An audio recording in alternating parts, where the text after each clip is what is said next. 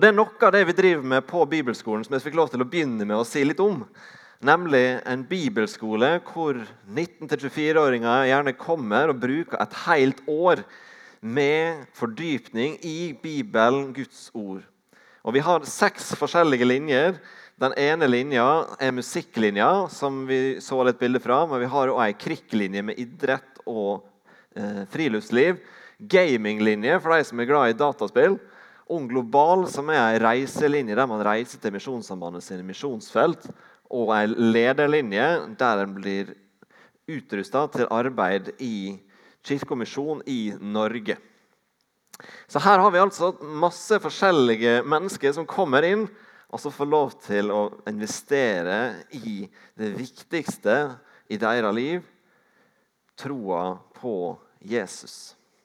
Og Det er fortsatt mulig å søke hvis dere kjenner noen. Så er det løpende opptak helt fram til skolestart i august. Så da er oppfordringen gitt. Så bra. Vi skal få ta for oss søndagens tekst denne søndagen. her. Og Vi er nå i påsketida i kirkeåret. Det betyr at vi skal prøve liksom å la det gå litt opp for oss. Hva er det Jesus egentlig gjorde i påsketida, i påskehøytida.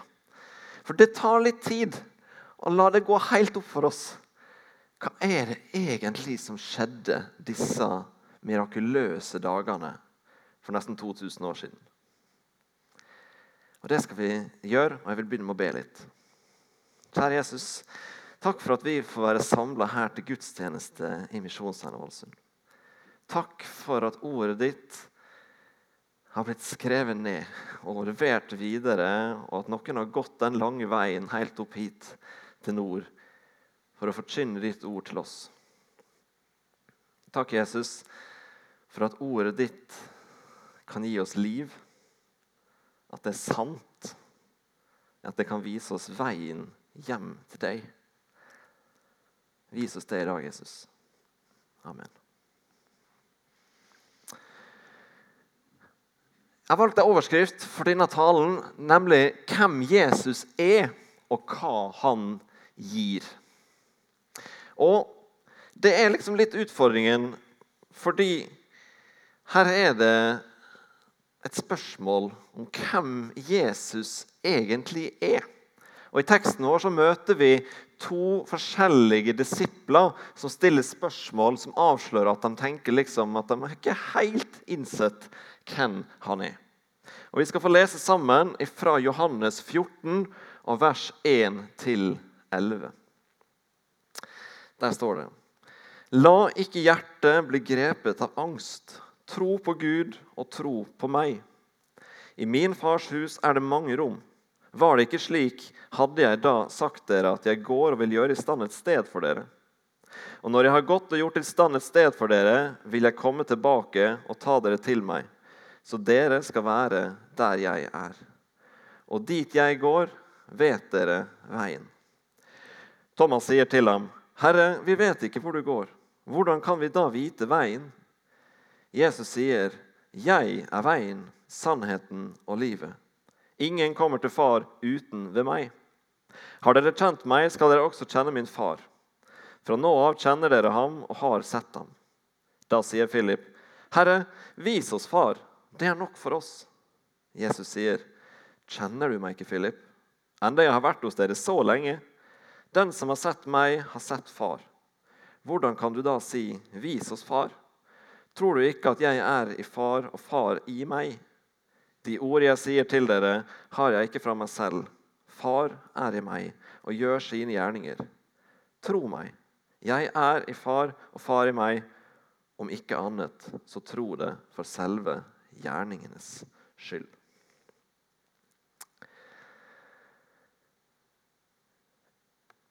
Jesus kommer i starten av teksten her med en ganske utrolig påstand. For det første så er Jesus ganske utrolig. For Er det noen som har en tøff kveld, så er det Jesus. Han går i møte sitt livs største krise, men det er han som trøster sine disipler. Men han trøster dem med et ord, nemlig tro på Gud og tro på meg. Det er en ganske utrolig påstand. Må huske på hvem det var som satt og hørte på dette. her. Det var fromme, unge jødiske menn. Og var det én ting de var ganske sikre på og oppdratt til, så var det at det er en nivåforskjell på han, Gud, Israels Gud, vår Herre, og ethvert menneske. Så det å påberope seg at man skal tro på Gud på samme måte som man skal tro på Jesus, det var ganske brå overgang. Og ganske heftig for disiplene å ta inn. Men jeg tror de fant trøst i Jesu ord. For det var en kvalitetsforskjell mellom når ethvert annet menneske sa noe, og når Jesus sa noe. Det er forskjell på om jeg går og sier til Marco Rose, som er hovedtreneren for Dortmund, om at uh, bare jeg tror på meg, så skal jeg skåre to mål i dag. En litt sliten venstreback fra barnefotballen på Emblem idrettslag til Erling Braut Haaland, som jo har vist seg å ha en litt annen kvalitet når det kommer til å leke med kula ute på banen. Og litt på samme måten så hadde de en litt annen kvalitetsforskjell når Jesus sa noe. Ikke bare var han født på mirakuløst vis av en jomfru. Enhver sted hvor de hadde beveget seg rundt, så hadde de opplevd tegn og under. Og Jesus talte med en visdom og en myndighet som ingen andre i sin samtid talte med. Det sjokkerte folk. Det var en kvalitetsforskjell. Men tro på ham på lik linje som Gud Både Philip og Thomas protesterer. Tro på Jesus. Altså, Greit nok at Jesus er spesiell, men er Jesus virkelig så troverdig? Er han verdig vår tro? Det var like tungt å svelge for den tids menneske å ta inn over seg og tro på Jesus som det er for de fleste mennesker i vår tid i dag. Vi forventer ikke, og kanskje ønsker vi det ikke helt heller, at guddommen skal bryte inn i vår hverdag. Altså Det er fint at han er litt sånn på avstand, litt sånn der borte. Men når han plutselig kommer inn og sitter i samme rom som oss og taler med oss, da blir det litt for nærgående.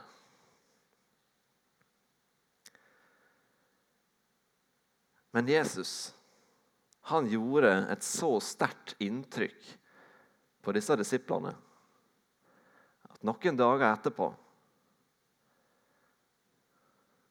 så hadde de, så hadde det snudd for dem. De kunne ikke annet å tilbe han. Og Thomas, samme karen som stiller spørsmål her, og liksom, hvor er den veien, og hvor kan du vite det? bryter ut i at du er min Herre og min Gud. Jesus er Gud. Og Det er ganske sterkt. Det var akkurat det her som kosta Jesus livet. Det var det som var hans dødsdom i møte med jødenes ledere. At han påstod at han var Gud. Men for en Jesus, men for en jøde på Jesu tid så var det omtrent en like krevende overgang at Jesus var Gud, som det er for oss. Men disse folka blei overbevist, og de brukte resten av livet sitt etter det her på å fortelle det videre. Men likevel selv om disiplene ble så overbevist som de trodde. Og De pøste på, de brukte resten av livet. De fylte hele middelhavsregionen med budskap om Jesus. Men likevel så bruker Kirka 300 år, 400 år på å diskutere kan virkelig Jesus være Gud. Kan vi tro på Jesus som Gud, hvordan er, henger egentlig sammen dette med at Jesus både var et menneske og han var Gud? Og De konkluderer etter 400 år med diskusjoner, på tross av et samstemt Nytestamentet om at vi må slå oss til ro med det faktum at Jesus var 100% menneske og 100% Gud. Totalen er 200% og det er jo rått å være 200 seg sjøl. Det er det mange som ikke klarer.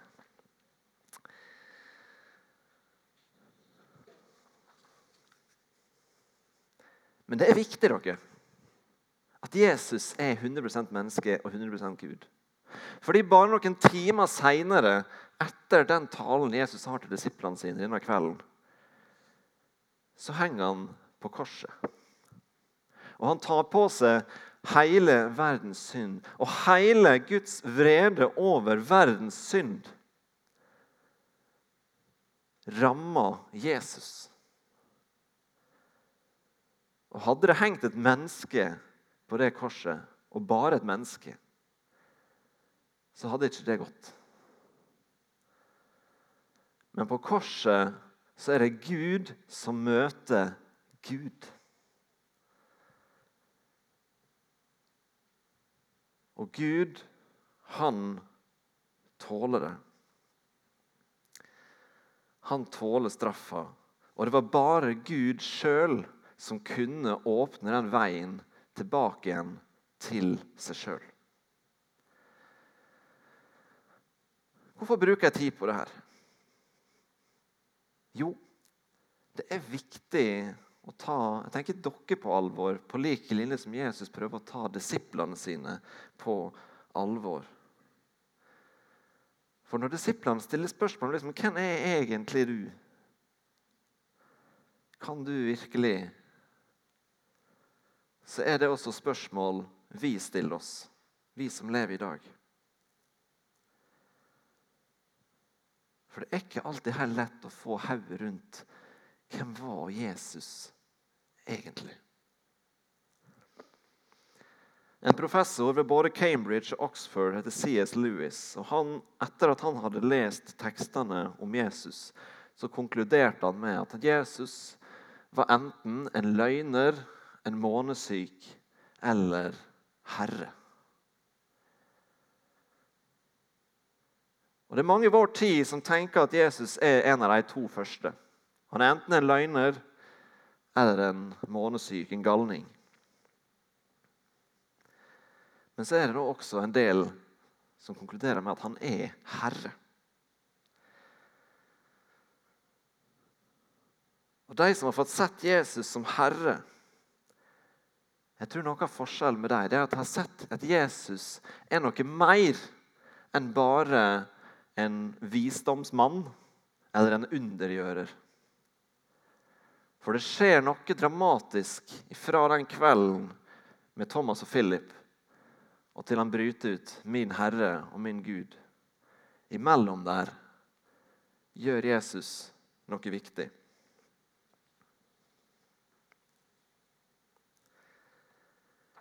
Vi ser vers 5-7 en gang til. Thomas sier til ham, 'Herre, vi vet ikke hvor du går. Hvordan kan vi da vite veien?' Jesus sier, 'Jeg er veien, sannheten og livet.' 'Ingen kommer til Far uten ved meg.' 'Har dere kjent meg, skal dere også kjenne min far.' 'Og fra nå av kjenner dere ham og har sett ham.'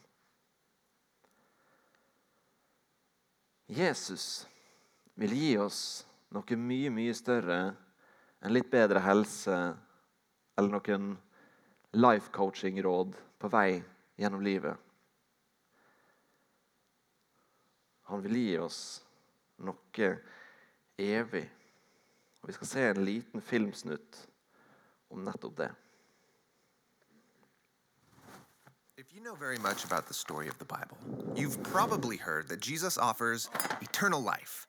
Mm-hmm. Sounds nice, but hmm. what does Jesus mean by eternal life? Well, Jesus adopted this phrase from the Hebrew scriptures. In English, it's translated eternal life or sometimes everlasting life, but the phrase literally translated from Hebrew is life unto the age. Life unto the age. What does that mean? Yeah, it's a dense phrase, and to understand it, we need to first talk about what an age is in the Bible. Let's do it. So, the Hebrew word for age is olam, and it refers to a period of time. What length of time? Well, any length of time, actually. And it can be in the past or in the future. What matters is that it's a period of time with some common attribute that remains constant. So, for example, So, like the time of Abraham and his descendants, all the way up to Moses. The common attribute is it's the time of Moses' ancestors. And so Moses can say, Remember the days of the age, the years of past generations and elders. okay.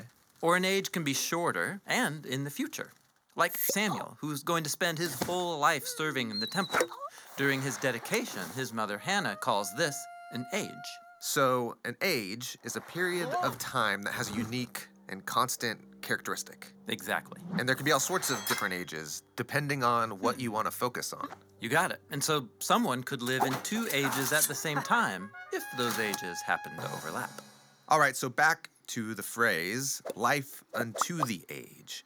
What age is this talking about? Okay, so in the beginning of the biblical story, humans are made from the dust of the ground. This is a common biblical image for creatures that are mortal. That is, they live in an age where they could die. But God takes humanity and places them in a sacred garden where they're invited to experience a new and deeper kind of life. By eating from the tree of life. Yeah, we're told it offers them life unto the age, a life of infinite potential because it connects them to God's own divine life. But the story takes a turn. And instead of accepting life unto the age, they eat of the tree of knowing good and bad. Right, taking from this tree means seizing life for themselves on their own terms, apart from God's wisdom. And so they're exiled from life unto the age, and they go into the age of death. They mistreat each other, they do what's right in their own eyes. Things get really violent. Exactly. And so the whole rest of the story of the Bible can be thought of as a choice between two different ages the age of life on our own terms that leads to death, or the age of God's own life. And while humanity has rejected God's life, God promises he'll open the way back. Exactly. And it's that promise that ultimately leads the story to Jesus. He's presented as God's own life become human, so that both ages overlap in him. He lives in the age of mortality and death and in the age of eternal life at the same time. And so he can offer people access to life unto the age. Right. It's like what Jesus says in the Gospel of John. This is eternal life, that they may know you, the one true God, and Jesus Christ, whom you have sent. Yet, just like humanity rejected God's life in the garden, Jesus was rejected and put to death. But God's life is more powerful than death. And so Jesus rises from the dead, and he can offer God's life to others. Like the Gospel of John also says Whoever trusts in him will not perish, but has eternal life. That is, life unto the age. Cool. Now, most people think of eternal life as something that happens after you die. But in the Bible, access to this age is something I can have right now. Yeah, remember, Jesus was the place where the age of God's life meets the age of death. And that means that when people trust him, they can experience eternal life here and now. But we also still live in the age of death. So, what happens when I die? Well, just like death couldn't overpower God's eternal life in Jesus, similarly, we can remain alive to God even if we're physically dead. In the Bible, this is called being with Christ. And it's not talked about very much because it's not how the overall biblical story ends. The focus of the Bible is about when the age of life completely overcomes the age of death. And those who are with Christ are recreated to share in God's eternal life. A world where the age of death no longer has any power. Exactly.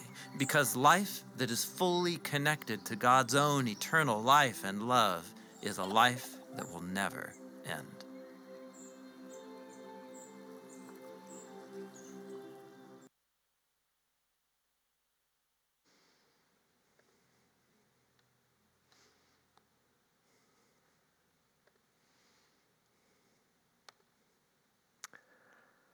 Et liv kobla sammen med Guds liv har uendelige horisonter. Et liv som aldri kommer til å ta slutt. Og Det Jesus gjør på korset, det er at han bringer Guds tidsalder, Guds liv, ned og inn til oss, så vi kan få kontakt med det, og at det kan åpnes en vei helt inn dit. Og det var vakkert. På første påskedagsgudstjenesten på bibelskolen så sto vi og fikk synge 'Deg være ære', Herre over dødens makt. Og Mens jeg fikk stå der og synge, så fikk jeg lov til å tenke på noen av mine kjære som har gått foran meg. Og se dem hilse meg fra Guds evige rike. Og så skal vi få lov til å leve i trua på at jeg får leve her, men jeg er òg connecta sammen med dem som har gått foran. Gjennom det Jesus har gjort, og den veien han har åpna mellom vår verden, her vi lever, i vår tidsalder, og hans tidsalder. Jesus han utfordra Philip og Thomas til å se det han ser. Ser du at jeg er i far og far i meg? sier han. Og jeg spør meg, får Jesus løfte blikket ditt, så du ser det han ser? For det første, får Jesus løfte blikket ditt, så du ser det håpet du eier i Han. Altså, Du får løfte blikket ditt fra de ventende grav som kommer. Så får du løfte blikket ditt på det håpet som Jesus har gjort ferdig for deg. Et rike hvor du skal få ha fellesskap med Gud, din skaper, din rette far, kjærlighetens kilde. Dit skal du få komme, og du skal få eie det håpet her. Ja, han vil også komme med sin ånd i ditt hjerte, så du skal få en smak av den evige rikdom som venter deg der fremme. Men for det andre har du fått løfte blikket ditt og se din neste.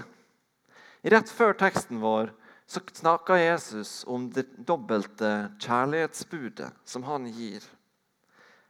At dere skal elske hverandre som jeg har elsket dere. Ved dette skal alle forstå at dere er mine disipler, at dere har kjærlighet til hverandre. Har Jesus fått løfte blikket ditt ut fra deg sjøl og ut til andre? Har han fått vise deg hvem det er du skal få lov til å gi en smak av himmel gjennom ditt nærvær, gjennom ånden som bor i deg, som du skal få lov til å være hender og føtter for i møte med andre mennesker. Og Har han ikke fått vise deg hvem de menneskene er, så be til Jesus at han må vise deg hvem det er. Om det er på jobben, om det er når du henter i barnehagen, når det er på idrettsplassen eller der du er engasjert på nærbutikken i nabolaget. Kanskje det er også noen av dere som kjenner på at det er noen der langt ute som jeg ikke har fått lov til å si det til, men som bor i en annen verdensdel, en annen plass i verden, der folk ennå ikke har fått høre. Og at jeg står i til deg å få være lys der. Har Jesus fått løfte blikket ditt så du ser dem? Og For det siste har Jesus fått løfte blikket ditt til Golgata. At har du fått lov til å hvile øynene dine der? Og få se hva det var Jesus gjorde der for deg. Der han tok din synd, din skyld, på seg. Tok den straffa du rettmessig skulle hatt. Det var du som skulle hengt der.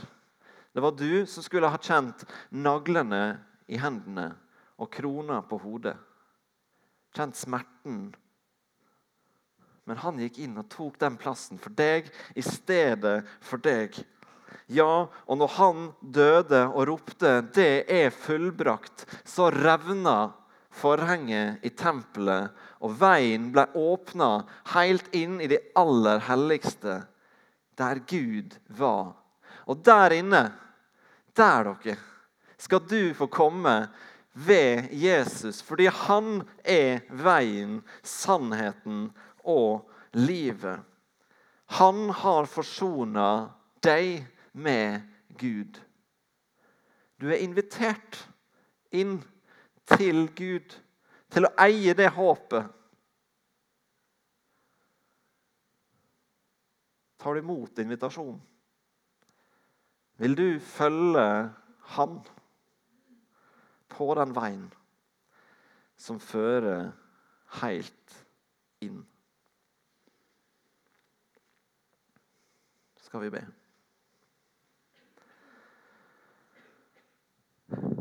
Kjære Jesus. Takk for at du er den du sa du var. Og at du har vist det for disiplene den gang hvem du virkelig er. At du er vår Gud, kommet ned i kjøtt og blod for å åpne veien tilbake til deg. For å forsone oss med deg. Takk, Jesus, for at din gave er et forsona forhold til Gud. At ditt løfte er et evig liv hos Gud.